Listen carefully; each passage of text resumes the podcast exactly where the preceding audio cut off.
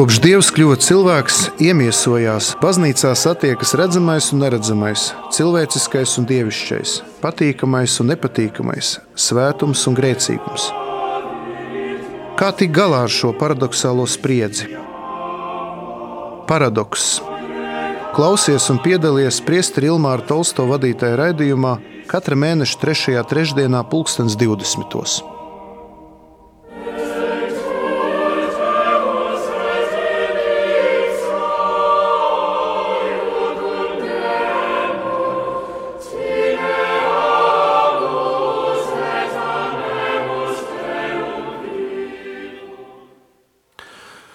Slavēts Jēzus Kristus, dārgie rādījumi arī Latviju klausītāji, man liels prieks būt šeit studijā.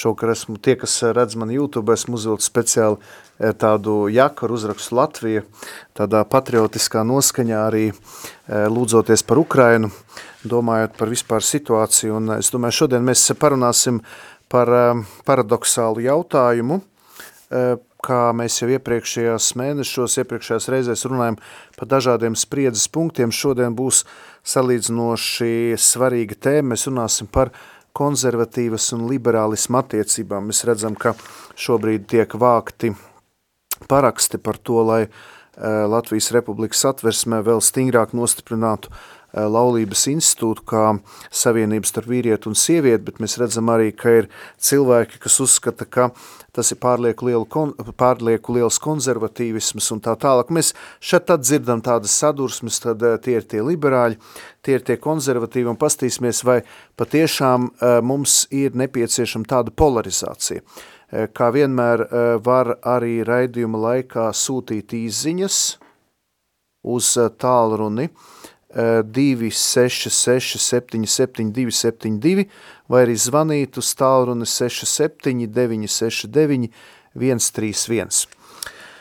Ķersimies, eh, vērsim pie ragiem, tad pirmais, ko mēs aplūkosim, tas ir konservatīvisms. Latīniski konservāre nozīmē saglabāt, um, lai kaut kas nemainīgs nemainās. Tas saistīts ar tradīciju, lai mums gan institūcijas, normas, vērtības būtu pilnībā nemainīgas. Un ļoti interesanti, ka konservatīvisms tādā mūsdienu izpratnē parādījās kā reakcija uz apgaismības racionālismu franču revolūciju. Un interesanti arī, ka svētais Akvīnas Toms jau viduslaiku um, savos darbos runāja par tādu terminu kā konservācija continuo creatio. Tas nozīmē eh, visu, ko Dievs ir radījis, mums ir jāsaglabā un arī jānodot tālāk šis mantojums, ko Dievs mums ir devis gan savu radību, gan arī, protams, caur dievišķo atklāsmi. Un eh, pirmie konservatīvie cilvēki, ja tā varētu teikt, parādījās saistībā ar mm, tādu mm, interesantu tendenci, kas nozīmē, ka mm, īpaši Francijas sabiedrība, bet arī citas Eiropas sabiedrības nespēja atteikties no feodālismā aristokrātisma. Tie ir gadi 1790. 1870. Viņus sauc ar Anglijā par rojālistiem. Tie ir tādi cilvēki, kuri vēlējās, lai eh, visu noteiktu karalis, monarhs, lai uh, sabiedrībā valdītu absolūts garīgums, lai garīdzniekiem būtu privilēģijas, un arī tas bija saistīts ar tā saucamo altāra un troņa savienību, jeb to sauc arī par Cezaro pats papismu.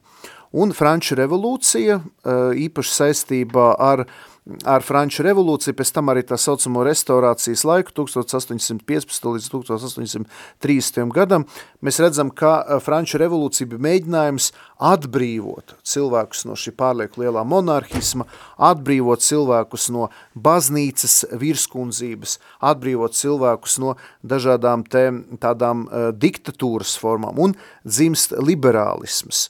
Tātad eh, mēs redzam, ka pirmie tātad bija šie franču revolucionāri, bet uh, kaut kādā ziņā arī reformācija, kas bija pirms tam ievadīja šo procesu, un arī daudzās citās valstīs, kur bija dažādas um, tendences saistībā ar ideālismu, ar apgaismību, ar mēģinājumu atbrīvoties no šīm vidus, viduslaikus tādām iesīkstējušām struktūrām. Un, protams, katoļu baznīca arī tika uzskatīta kā tāds, kā tāds sloks, kā tāda nasta, kā tas, kurš pretojas brīvībai, brālībai, sadraudzībai, tātad cilvēka brīvībai.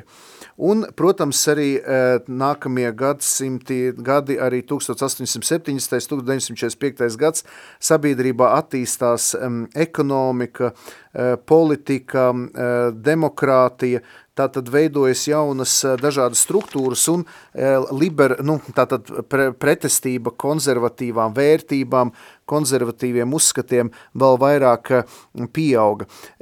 Šī tēma ir ļoti plaša, es neiešu tādā, tādā virzienā, kas skar varbūt konservatīvo un liberālismu, liberālo ekonomiku, jo tas būtu vesels atsevišķs temats, par ko mēs varētu stundām runāt, bet kaut kādā ziņā šeit arī notika sadursme starp kaut kāda veida sociālistiem, komunistiem un atkal to pretiniekiem, un šie sociālisti arī pārstāvēja tādas liberālas vērtības, lai visiem būtu kapitāls, lai visi varētu būt brīvi, tātad, lai nekas, neviens cilvēks netiktu saistīts.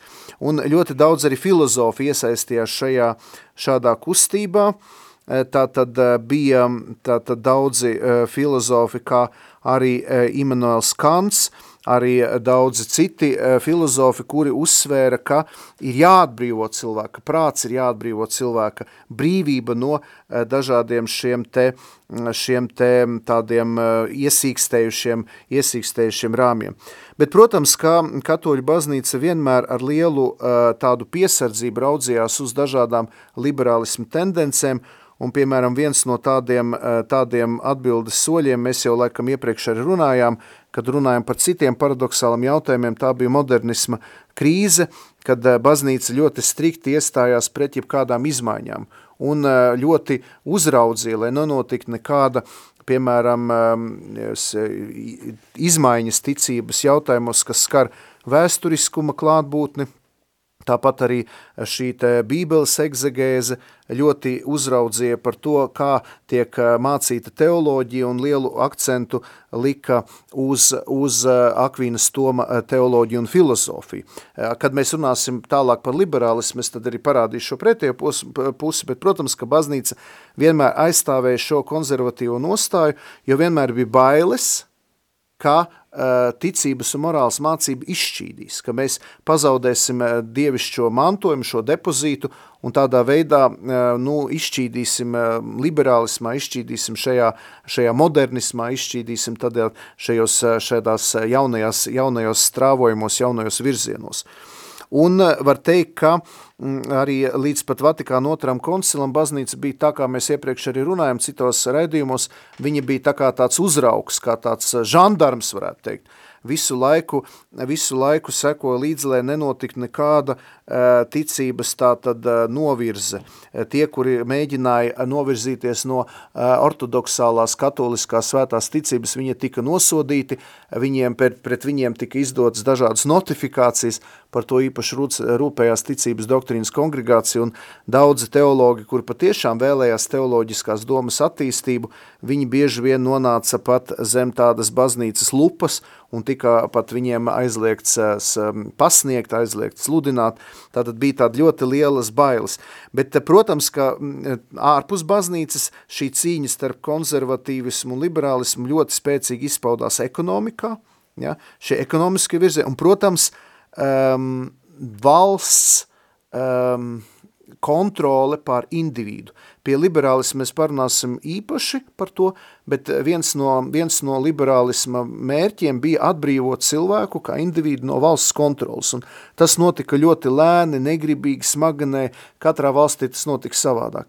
Tātad eh, valsts eh, daudzas lietas noteica cilvēku dzīvē, un eh, tātad konservatīvisms pārstāvēja šo rojālismu, jeb, tā sakot, monarha vai valsts kontroli pār dzīves, dzīves tātad sfērām. Liberāli, tātad konservatīvismu doktrīna balstās to, ka mēs cenšamies saglabāt to, kas bija iepriekš.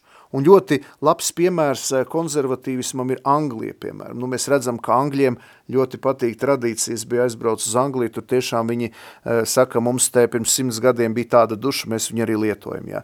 Ļoti konservatīva nācija, ir karaliene, ir ļoti daudz tradīcijas, viņi uh, pat ceļus nemaina, viņiem šis ceļš tur ir vēl no Viktorijas laikiem. Jā.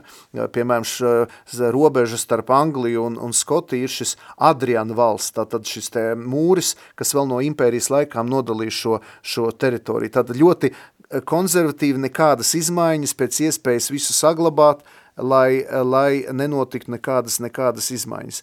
Bet, protams, ka daudz citas valsts atkal ir ļoti liberālas un ļoti ātri maina šos te uzskats, un mēs redzam, ka šie visi strāvojumi, liberāli un konservatīvi, viņi dažādās gan ekonomikas, gan uh, sabiedrības, gan sociālas, protams, arī reliģijas, jeb teoloģijas un garīgi jomā visu laiku tā kā ir blakām un notiek šīs sadursmes. Citreiz spēcīgākas, citreiz eh, mazāk spēcīgāks. Es domāju, tā mēs varētu aiziet mazi, mazā muzikālā pauzē, tad vēl paturpināsim mazliet ehm, konservatīvismu, tad skatīsimies liberālismu, jo konservatīvus mums arī nemaz tik daudz nevajag aplūkot, jo mēs jau esam konservatīvi, mēs esam katoļu, katoliskā baznīcā, bet es gribu mazliet apstīties liberālismu, lai nevis viņu uzreiz tā nosodītu, bet lai paskatītos, ko mēs no liberālismu varētu paņemt tā, lai neciestu mūsu uh, Eh, ticības mantojums un mūsu depozīts, kuru mēs cenšamies nodot tālāk no paudzes uz paudze.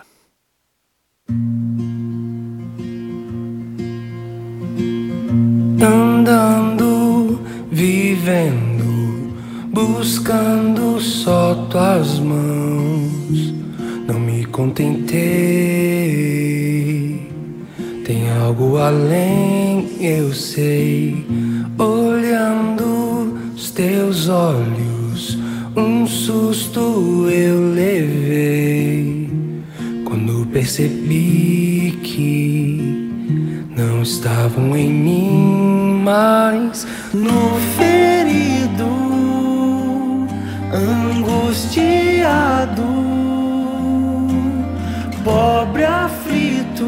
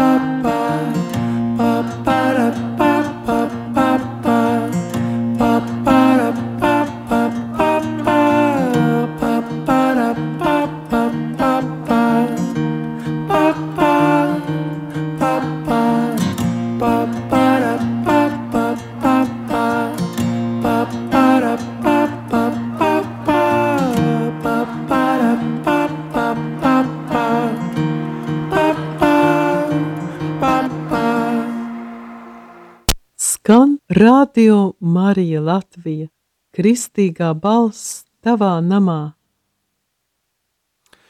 Dargie rādījumi arī Latvija klausītāji, turpina mūsu rēdījumu par konservatīvismu un liberālismu. Vēlos arī piebilst par to, ka eh, jau pēdējā laikā ļoti aktīvi darbojas portāls Telos, un arī izdevniecība Kodoka, ja nemaldos, ir izdevusi grāmatu, kā būt konservatīvam.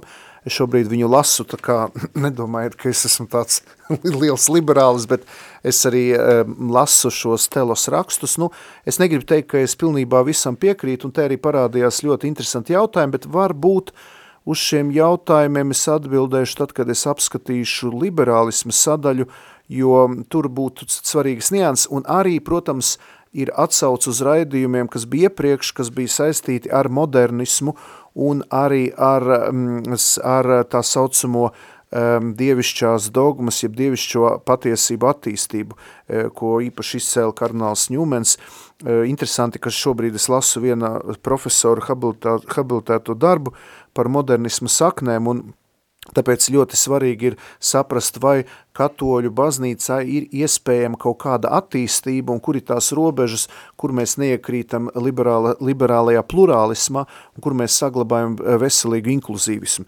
Bet tagad pirms atbildēt uz jautājumiem, tad es gribu apstīties, kas tad ir liberālisms, jo mēs apskatījām konservatīsmu, tātad konservatīvismu tas ir tas, kas sargā, tas, kas eh, vēlas, lai mums būtu šīs nemainīgās tradīcijas un lai mēs nepazaudējam, nepazaudējam tātad šo te mantojumu, kurš mums ir dots no Jēzus Kristus un arī cauri gadsimtiem.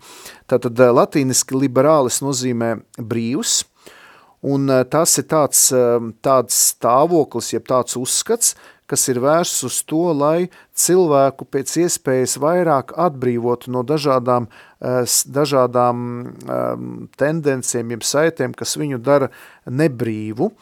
Un, kā jau es uzsvēru, tātad šī Franču revolūcija bija pirmais grūdienis, kaut arī daudz runāja par reformāciju un daudziem vēl citiem tādiem aizmetņiem, bet Franču revolūcija bija tā, kas vēlējās atbrīvot cilvēku no uh, jebkurām, eh, jebkurām saiknēm. Un arī viens no smagiem jautājumiem bija šī hegemonija starp Cēzaru un, eh, un pāvestu, tātad baznīcas pārāk cieša saikne ar politisko varu, ar valsts varu, un tādā veidā šajā eh, apgaismības atbrīvošanas tajā procesā arī baznīca tika uzlūkots kā ienaidnieks, kas nevēlas cilvēku darīt brīvu.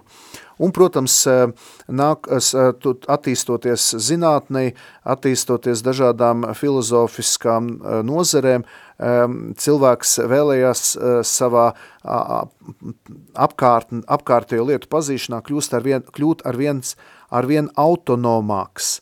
Ja, tātad vēlējās atbrīvoties no jebkuras monarhijas, no jebkuras varas, kas viņu ierobežo, Un tā tad arī, mm, ejot līdz šo atbrīvošanu valstiskā līmenī, eh, notika arī atbrīvošana, kas saistījās ar eh, tātad šo te eh, pasaules uzskatu, mēdz lietot šo te terminu kultūra kampf, tātad kultūra cīņa, starp cīņa starp katoļiem un liberāļiem, kas vēlējās, tātad katoļi vēlējās saglabāt ticības morāles uh, morāls eh, patiesības šajā relativizācijas laikmetā, savukārt liberāli vēlējās arvien vairāk legalizēt tātad eh, dažādas, dažādas noslietas, mēs zinām ar šīs homoseksuālas attiecības, bet dažādas arī citas tādas lietas, kuras neatzīst baznīca un ticība.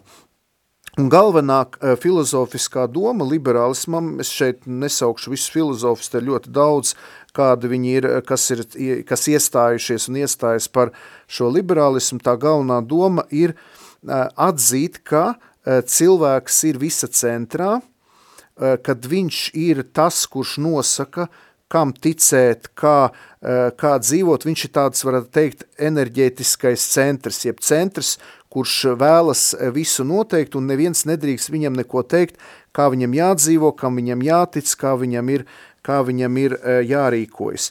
Bet, protams, šeit uzreiz nāk pirmais iebildums, pirmais iebildums, ka, ja cilvēks pārlieku sevi liek centrā, viņš momentāli neredz otru cilvēku, un, piemēram, cilvēks, kurš liek sevi centrā, viņš vēlas, piemēram, iznīcināt nedzimušu bērnu abortā, viņš vēlas nogalināt gados vecu cilvēku eitanāzi, jo šie citi cilvēki, kas ir veci, slimi vai nedzimuši, sāk traucēt viņa individuālai brīvībai.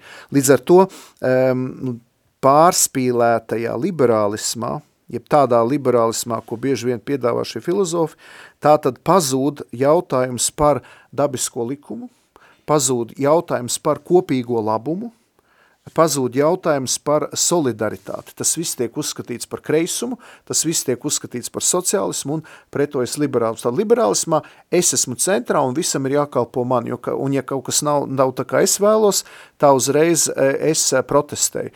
Un mēs redzam, ka agresīvajā liberālismā uh, pārāk akcentējot eh, šo individualitāti, rodas spriedze, jo cilvēkiem ir ļoti grūti pieņemt kopīgus lēmumus, un ļoti liberālās sabiedrībās individuālisms ir tik izteikts, ka nav iespējams eh, panākt kompromisu. Visu laiku ir cīņa starp grupām, grupējumiem, ir dažādi viedokļi un nav iespējami kon konsensi, ja nav iespējams šīs, šīs sas, saskarsme.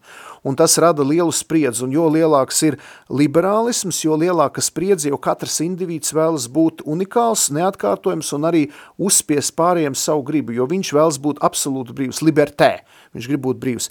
Bet liberālismam, protams, ir savas pozitīvās puses – jo liberāla antropoloģija viņa akcentē cilvēka kreativitāti, uzskatot, ka konservatīvisms bloķē, bremzē cilvēka individualitāti, viņa e, individuālās izpausmes, tātad viņa brīvības izpausmes un tā tālāk. Tātad kaut kādā ziņā kristietība ir atbrīvojoša, bet vēlreiz saku atbrīvojoša Jēzus Kristus nevis e, tādā ideoloģiskā izpratnē.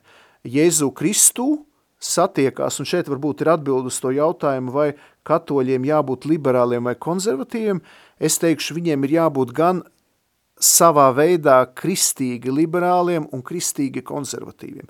Jo Kristū satiekās dievišķais un cilvēciskais, Kristū satiekas individuālais un kopīgais. Un ja mēs atmetam Kristu, mēs uzreiz varam iekrist pārspīlētā konservatīvismā uzskatot, ka neko nevar, nevajag mainīt, ka, piemēram, nezinu, pāvests Pīs piektais ir, ir um, unikāla autoritāte un neko, neviens cits pāvests bez Pija piektā vai Pija devītā desmitā neko nesaprot, ja? Tātad pār, pārspīlētais iekonservētisms, ja? Vai arī pārspīlētais liberālisms, kas absolūti neņem vērā otru cilvēku kopīgo labumu, eh, dabisko likumu, vērtības, eh, tātad eh, tradīciju, to, kas ir nākuši no gadsimtiem, ja visu iznīcināt, visu nolīdzināt, visu graut, ja iznīcināt tātad tās vērtības un patiesības, kas ir cilvēkā. Tā kā šeit atbildot uz šo jautājumu, gribētu teikt, ka mums jāiet ir šis Jēzus Kristus vidusceļš, jā jo viņš ir tas, kurš ir vienlaicīgi gan konservatīvs, jo mēs redzam, ka Jēzus saka, neviens bauslis no vecās derības netiek atmests, bet piepildīts. Ja? Viņš nenāca atcelt, bet piepildīt. Tātad viņš nenolīdzināja visu to, kas bija. Ja? Bet viņš ienesa šo jaunumu, šo atbrīvošanu, bet atbrīvošana notiek nevis ideoloģiskā, bet gan kristīgā veidā. Cilvēks tiek atbrīvots, bet viņš, viņš tiek aicināts saglabāt skatu uz otru cilvēku mīli Dievu un mīli savu tuvāko. Tātad es nevaru tikai domāt, es, mana brīvība, mans, mans ceļš tā kā es vēlos. Ja. Tātad es nevaru iekrist šajā egoismā. Un interesanti, ka, protams, ka e, šajā liberālismā pazūd, e, pazūd šis te arī sabiedriskais aspekts un īstā tāda radikāla agresīvā liberālismā ir ļoti grūti, ko es teicu, atrast šo te, e, šo te saikni. Un, protams, ka liberāļi apšauba ka eksistē absolūta objektīva patiesība, viņi visu interpretē utilitāri, instrumentāri, un viņi baidās no patiesības diktatūras. Viņi uzskata, ka konservatīvai vēlas uzspiest, diktēt vienu patiesību. Un e, tādā veidā viņi vēlas, lai būtu ļoti liela viedokļa daudzveidība. Protams, valstī ir jābūt ļoti laicīgai, Eh, viņai ir jābūt aksioloģiski, jeb eh, saistībā ar likumību, tātad ne, neitrālai, neatkarībai un, protams, ka, eh, protams, ka baznīca ir jānostum absolūti malā, lai viņai nebūtu nekāda teikšana, ja, jo viņa traucē būt cilvēkam brīvam, un, protams, kas skar um, saistībā ar atklāsmi, tātad ar Jēzu Kristu, ar šo patiesību, tātad tas viss ir tas viss ir tātad atmetams. Un mēs zinām, ka arī liberāļi liberāļu vidū dzimst arī daudzas teoloģiski liberālās skolas, tā ir vēsturiski reliģiskā, ja formgešište šūle, kas atdala vēsturisko jēzu no ticības jēzu, uzskatot, ka kopiena tā, kas ģenerē jēzu, ka tas viņš nav, viņš nav objektīvs, autentisks, ja? un tā tad liberālais plurālisms, kaut kādā ziņā mēs atcerieties runājam par gnosticismu, mums bija raidījums, ja mēs atkal atgriežamies pie tā, ja? ka nav vienas patiesības, ka Dievs eh, ir neiepazīts, kad eh, reliģijas eh, nav svarīgi kādam, kādai reliģijai tu piedari, ja? šis te kaut kādā ziņā, šis te arī mūsdienu pluralistiskais gnosticisms, kas saka, ka patiesība ir kaut kur citur, ja? nav vienas patiesības, ir lielās patiesības, ir daudz patiesības, ja? mēs īsti neko nezinām, viss ir relatīvs, viss ir apšaubāms, ja? un, protams, ticības individualizācija, ja? nekādā ziņā nekāda baznīca, nekāda kopiena, nekāda garīdznieki, viņi tikai mums diktē, kā mums ir jātic, viņi diktē, kā mums ir jārīkojas, mēs paši zinām, kā rīkoties, ja. Labi, tā baznīca tur ir, garīdznieki ir, bet uh, viņiem nav nekāda teikšana. Es ieskicēju liberālismu, ja. Ir pozitīvas nianses, ja, bet agresīvais liberālisms principā ir vērsts uz to, lai iznīcinātu kopienu un um, varētu teikt, uh, cilvēku individualitāti padarītu ideoloģisku un varētu teikt instrumentalizētu cilvēka brīvību. Un mēs redzam, pie kāds noved, tas noved pie nu, tādām pat apšaubāmām teorijām, kas skar arī šo dzimumu identitāti, ja? šī gender ideoloģija un daudz citas ideoloģijas, kas vēlas uzspiest tādu domāšanas veidu, kas ir jau pretrunā dabiskajam likumam. Ja.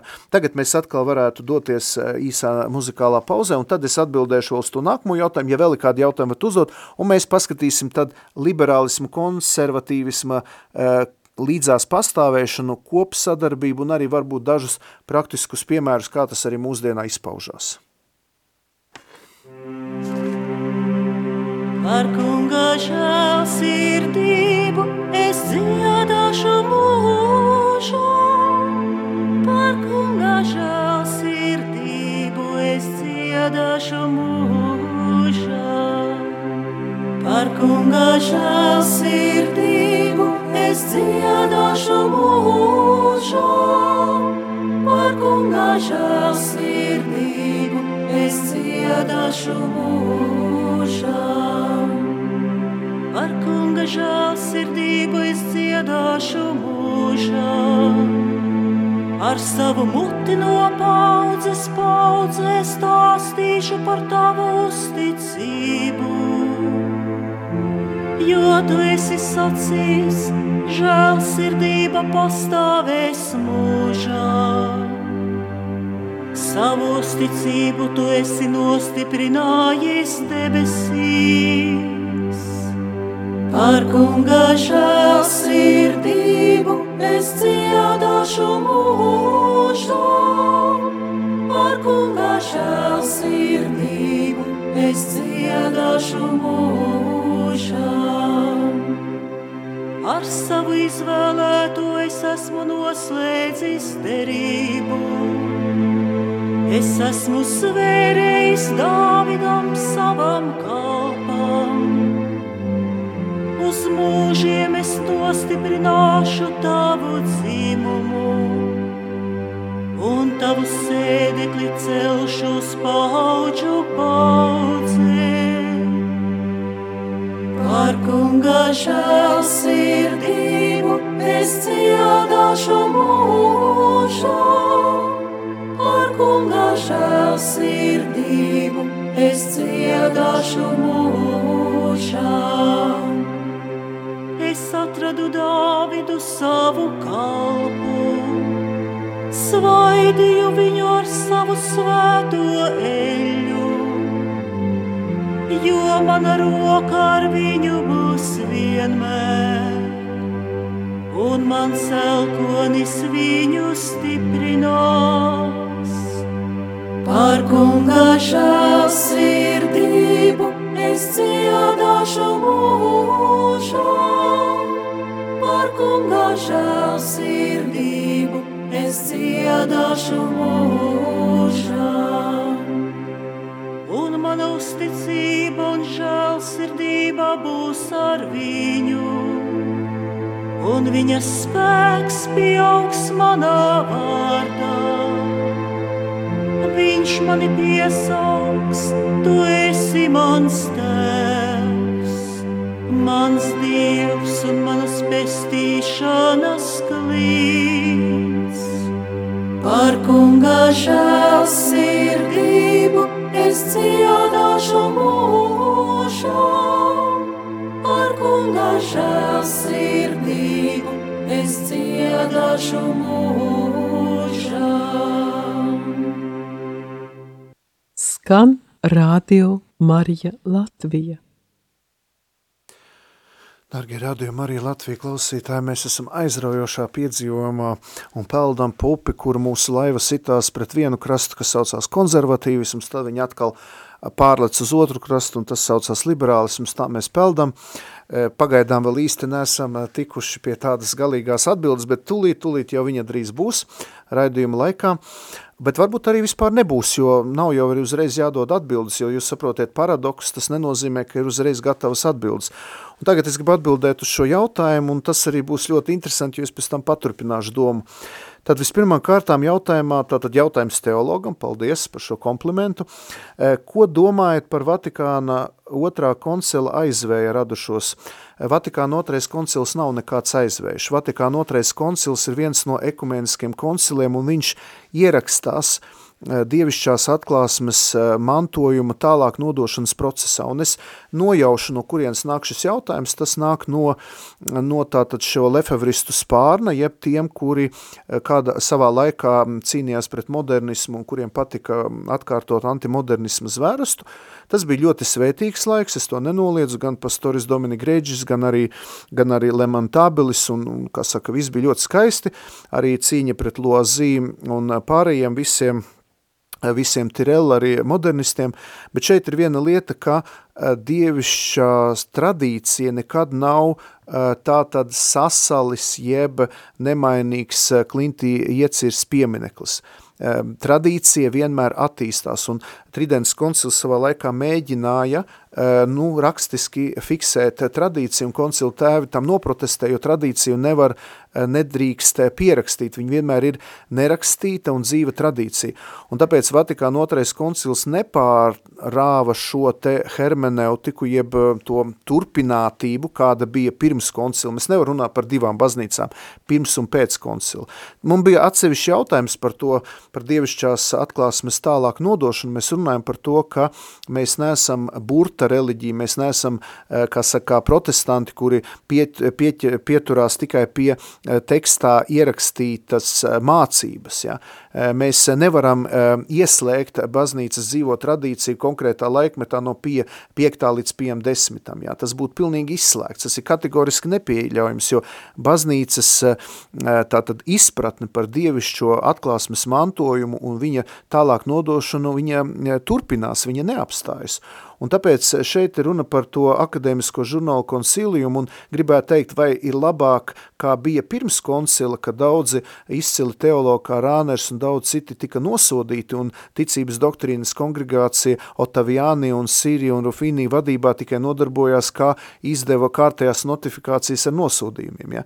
Tātad mēs redzam, protams, pēc koncila nāca tāds uh, atvilnis, ja tā varētu teikt, tāds, tāds varbūt uh, pārspīlējuma vilnis, kas bija uh, saistīts ar to, ka, diemžēl, baznīca pirmo Vatikāna koncilu nepabeidza, viņš tika vardarbīgi pārtraukts, un varētu teikt, pēc pirmā Vatikāna koncila baznīca sāka klibot uz vienu skājas, jo tika izslunāts do, izslunāt dogma par pāvesta nemaldību, bet netika tālāk apskatīt bīskapi jautājumu tā tālāk un modernisms bija arī kā šī žargonu vārdus drīkst rādījuma, arī atrauga, teoloģiska atrauga no tā, ka šis koncils netika pabeigts. Es vienkārši šo jautājumu arī padziļināti pētīju savā disertācijā, un es tāpēc to varu teikt. Jā, modernisms bija kā teoloģiska atrauga tam ka, procesam, kas notika pēc 1870. gada. Tātad, tātad ļoti svarīgs šeit ir, ka Tātad, e, tātad konsilium, kurš ir kvīru teoloģija, Vācijas sinodālais ceļš pa mākslīgu intelektu, teoloģija attīstās, un tas nenozīmē, ka visi teoloģiski jautājumi momentāli kļūst par maģisteri. Tas nenozīmē, ka viņi uzreiz kļūst par baznīcas mācību. Un, ja skatāmies pāvestu Francisku, viņš, protams, ir jezuits, viņš ir drosmīgs, viņš uzdod jautājumus, viņš izaicina, viņš liek mums domāt, viņš varbūt ir provokatorisks, bet tas nenozīmē, ka momentāli bainās baznīcas mācība.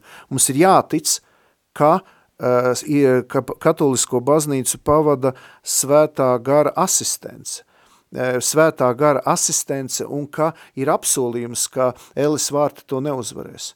Un ir apsolījums, ka caur um, apustulisko pēctecību jeb sukcesiju tiek garantēts, ka svētais gars rūpējās, lai dievišķās atklāsmes mantojums caur tālāk nodošanu tradēri tiktu saglabāts neskarts. Ja. Un visa baznīca nevar kļūdīties – nemaldība nav tikai pāvestam, bet tā ir visai baznīcai.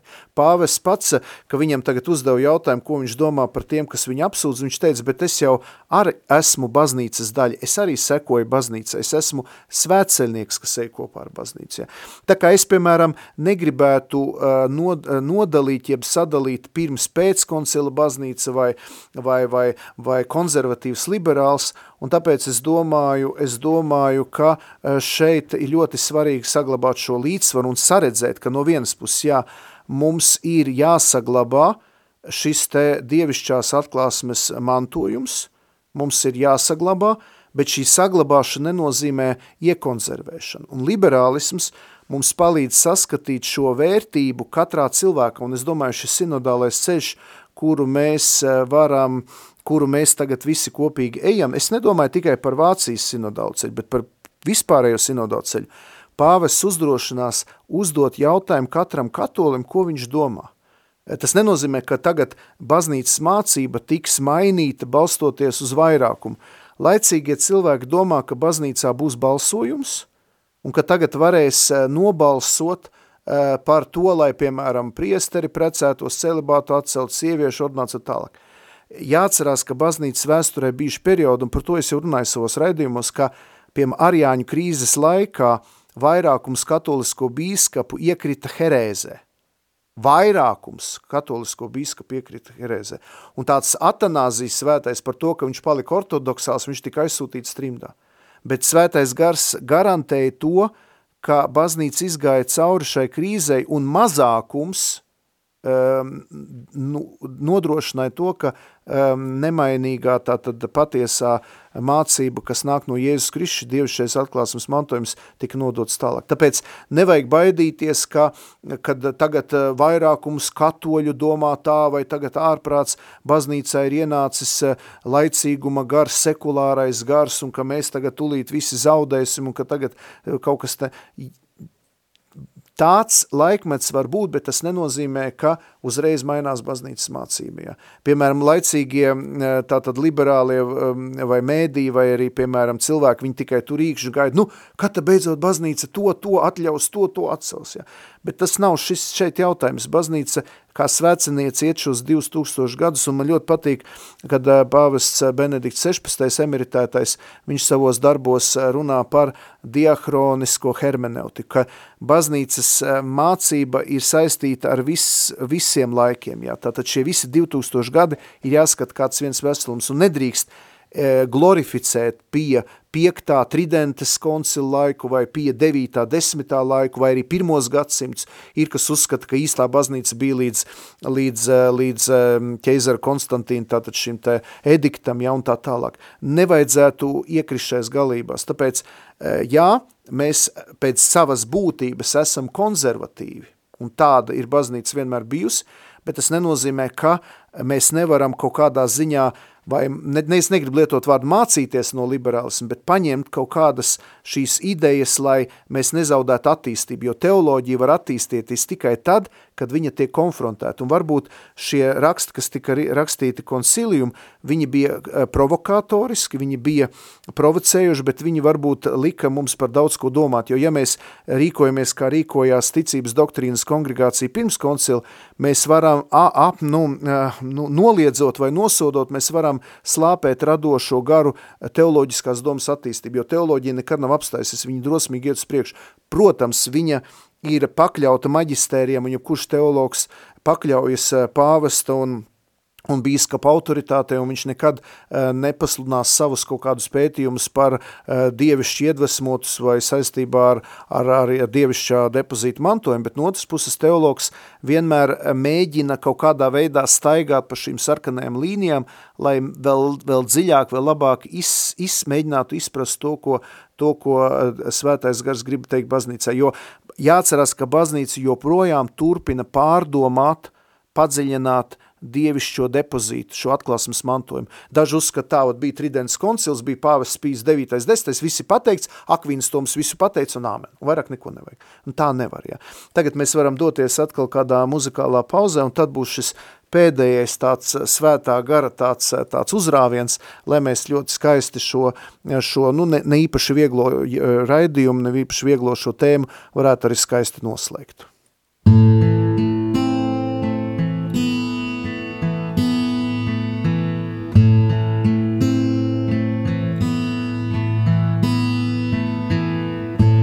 pēc tava dzīvā Mana dvēsele slāpst, mans gars. Pēc tevis sauc.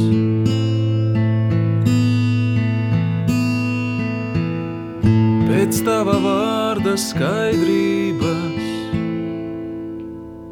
pēc tavas gribas un nodomā mans prāts.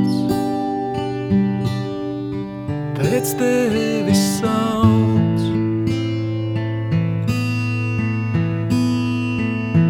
Kungs apžēlojies un saki tikai vārdu.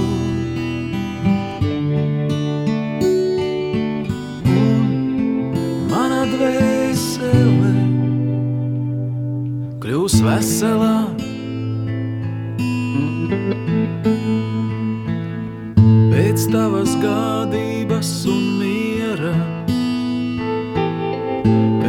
Tavas klātbūtnes un stiprinājumā, mans gars. Pēc tevis sauc.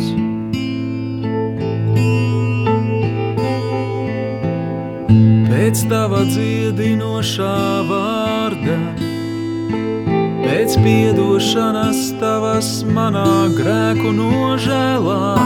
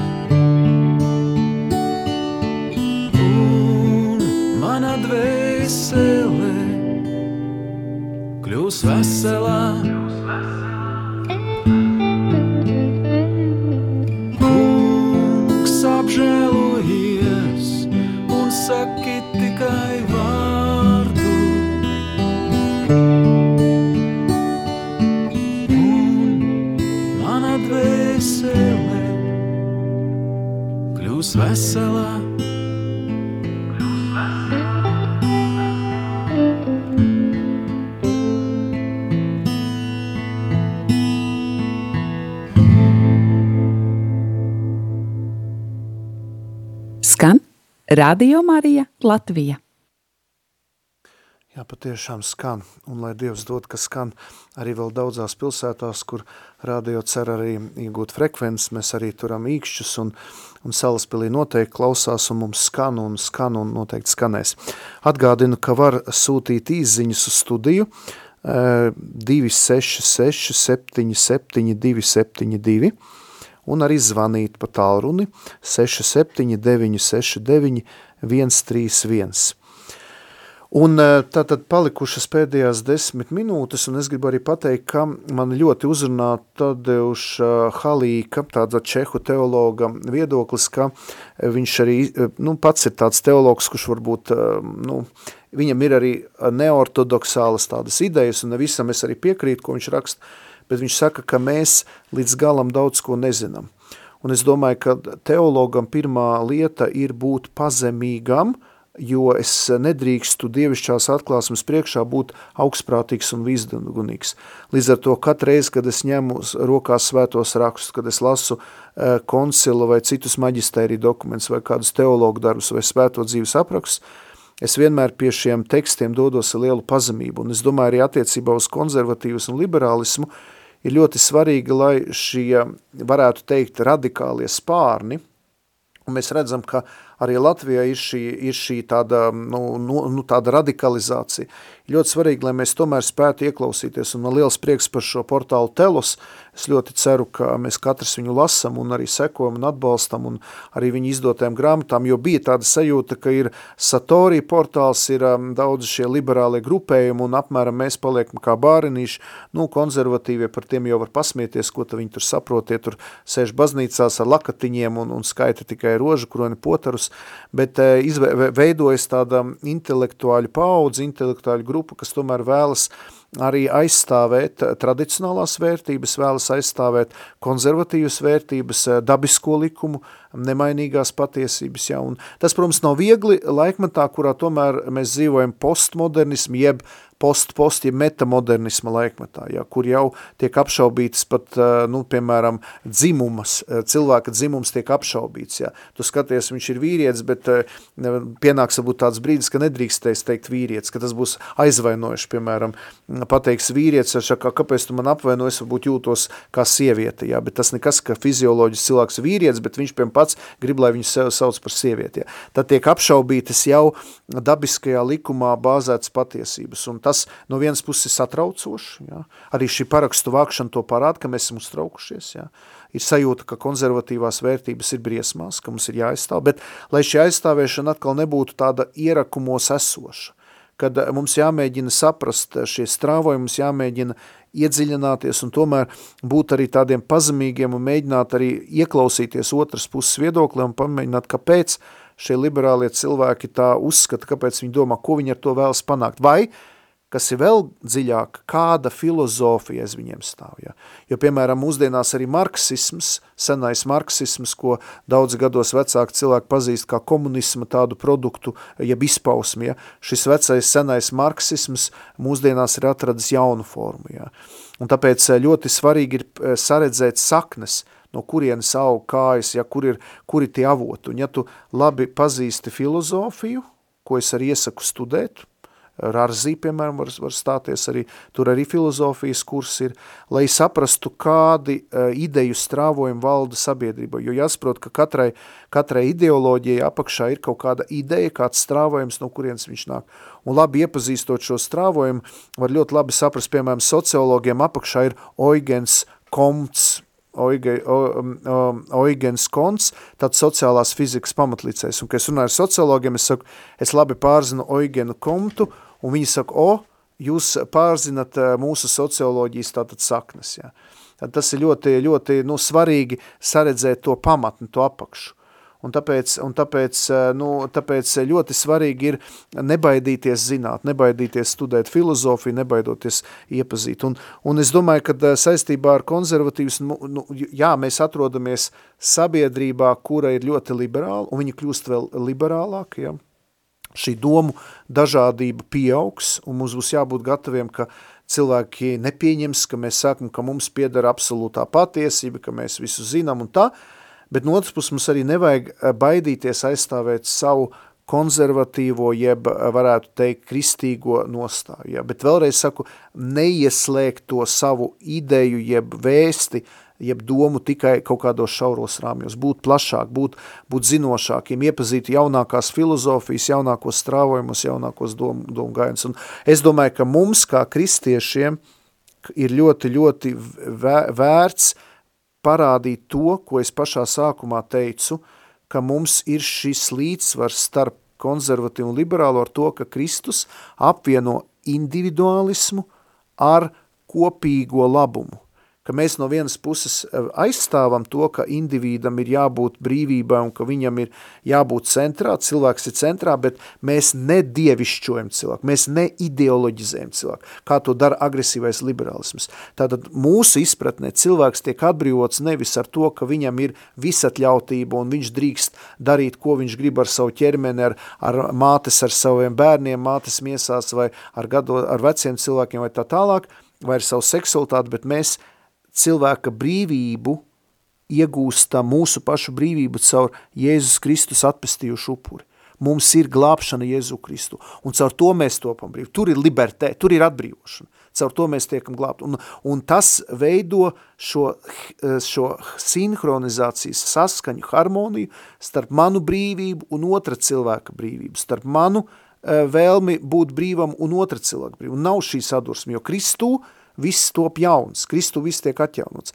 Es topu brīvs, bet mana brīvība Kristu nenozīmē, ka es pavērdzinu otru, kad es iznīcinu bērnu, māte neiznīcina savu bērnu viņas miesās, bet viņu dzemdina audzina, jo viņa brīvību izprot caur kalpošanu, caur upuri, caur sevis atdošanu. Tātad tur vairs nav vietas egoismam, tur nav vietas uh, cilvēka dievišķošanai. Ja. Tātad kristīga antropoloģija ir, ir īpaša atbilde mūsdienu cilvēku ilgām. Un kā mēs to labāk saprast un piedāvāt to kā ekstru, Mēs varam teikt, mēs arī esam liberāļi, bet mēs esam kristīgie liberāļi. Mēs nemēģinam eh, nu, eh, pie savu eh, gribu uzspiest pāriem, bet mēs piedāvājam kaut ko unikālu, kaut ko ekskluzīvu, kaut ko īpašu. Ja? Ka Kristū mēs topam brīvi pa īstam, nevis mākslīgi, nevis samākslot, nevis ideoloģiski, bet atbrīvojuši līdz galam, līdz, līdz, līdz pēdējiem, ja? jo Kristus mūs atbrīvojas. Tā kā ar to es gribētu jau pēdējo akordu, ja, ka Kristus nāve un augšām celšanās, ka baznīca ir vieta, kur cilvēks to brīvs, un es varu pateikt, ka padomu laikos, kad valdīja agresīvi totalitārais marksisms komunismu formā, baznīcas bija kā glābšanas salas, kā oāzes, kur ieelpot svaigu gaisu. Un mūsdienās mēs atkal nonākam kaut kādā ziņā eh, agresīvā liberālisma diktatūrā, kur mums tiek arī uzspies šis te liberālisms, ka katram cilvēkam ir tiesības būt brīvam līdz galam un viņš var, kā saka, darīt, ko grib, tad baznīcā izdzīvojot šo kristīgo antropoloģiju un kristīgo liberālismu, kristīgo atbrīvošanu Jēzu Kristu, es domāju, ka pienāks tāds laiks, jo šobrīd mūs uzskata par outsideriem, kaut kādiem tur malā nolīdušiem, galīgi neko nesprot, vecmodīgiem, atpalikušiem, atpakaļ rāpuļojušiem un kādiem tur vēl nezinu kur, no viduslaikum izlīdušiem, kā tādiem eksponātiem. Ja? Jā, Tā varētu teikt. Bet no otras puses mums ir ko piedāvāt. Mums ir šis brīvības gaiss, ko mēs varam piedāvāt mūsdienu cilvēkam, jo šis ideoloģijas agri vai vēlu eh, nesīs eh, negatīvus augļus. Šobrīd cilvēkam liekas, ka viņi sekojot agresīvu un liberālismu to brīvi, bet viņi tik un tā tiks uh, paverzināti, jo ideoloģija nekad nedara brīvu. Viņa vienmēr cilvēku pazemo, vai tas ir gender, vai arī šis dzimum. It kā mērķis ir, lai cilvēks labi justos savā ķermenī, bet viņam tiek uzspiesta kaut kāda ideoloģija, un viņš nonāk cietumā. Viņš ne, nespēja savu uh, dzimumu identitāti izdzīvot pēc dieva noteiktā plāna, un viņš nonāk verdzībai. Un, un mums jābūt gatavi nevis viņus notiesāt, bet ir otrā teikt, draudzes uh, ir tās vietas, kur jūs varat saņemt attēlpu, kur jūs varat ieelpot eh, kristīgo brīvības gaisu, kur jūs varat Kristū tapt jauni. Tad mums nevis ir jānosoda, nevis tā kā pirms Vatikāna otrā koncila, nevis kaut kādas notifikācijas, nevis, kā saka, inkvizīcija, bet tieši otrādi mēs piedāvājam kaut ko unikālu, kaut ko īpašu. Un, un tas sāks pievilkt cilvēkus. Tikai mums ir jāiztur, mēs nedrīkstam paši izšķīst tajā liberālismā, bet mūsu konservis, konservatīvismam nav jābūt, kā lefevristi to saka, iekonservētam, bet atbrīvojošam. Jo Jēzus Kristus mūs atbrīvo. Viņš ir tas, kurš dod mums brīvību. Ja. Kristū mēs topam brīvi, kā apustulis Pausa. Kristus ir tas, kas atbrīvo. Un ja tu esi Jēzu Kristu, tu esi patiesi brīvs. Un tu vari būt arī liberāls, bet ar Kristu – Tu nevis eh, uzspied savu patiesību vai vēlies eh, sekot kādam ideoloģiem, bet tu tiec brīvs. Tādi brīvi cilvēki bija eh, padomi laikos, izturēja visu komunistisko ideoloģiju, izturēs arī, arī, arī mūsdienās. Mēs noslēgsim ar īsu lūkšaniņu, lai Dievs mūs vada un lai mēs varam šajā paradoxālajā spriedzē tomēr izdzīvot šo līdzsvaru Jēzu Kristu. Paldies Tev, kungs, par šo stundu, kas pagāja ļoti ātri, ka mēs varējām pabūt kopā ar Tevi un tiešām svētī mūs katru un palīdzi mums būt brīviem tevi. Un ja mēs esam iekrituši grēkos, lai mēs varam čakli aizsilpot pie grēksūdzītes, izsūdzēt grēkus priesterim un atkal tapt brīvi. Gods lai ir tēvam un dēlam un svētajam garam, kā tas no iesākuma ir bijis, tā tagad un vienmēr, un mūžīgi mūžos. Āmen. Dieva tēva un dēla un svētā gara vārdā. Āmen. Studijā bija Salaspils katoļu draudzes priesteris Ilmārs Tolstovs un tiksimies atkal pēc mēneša mūsu paradoxālajā raidījumā.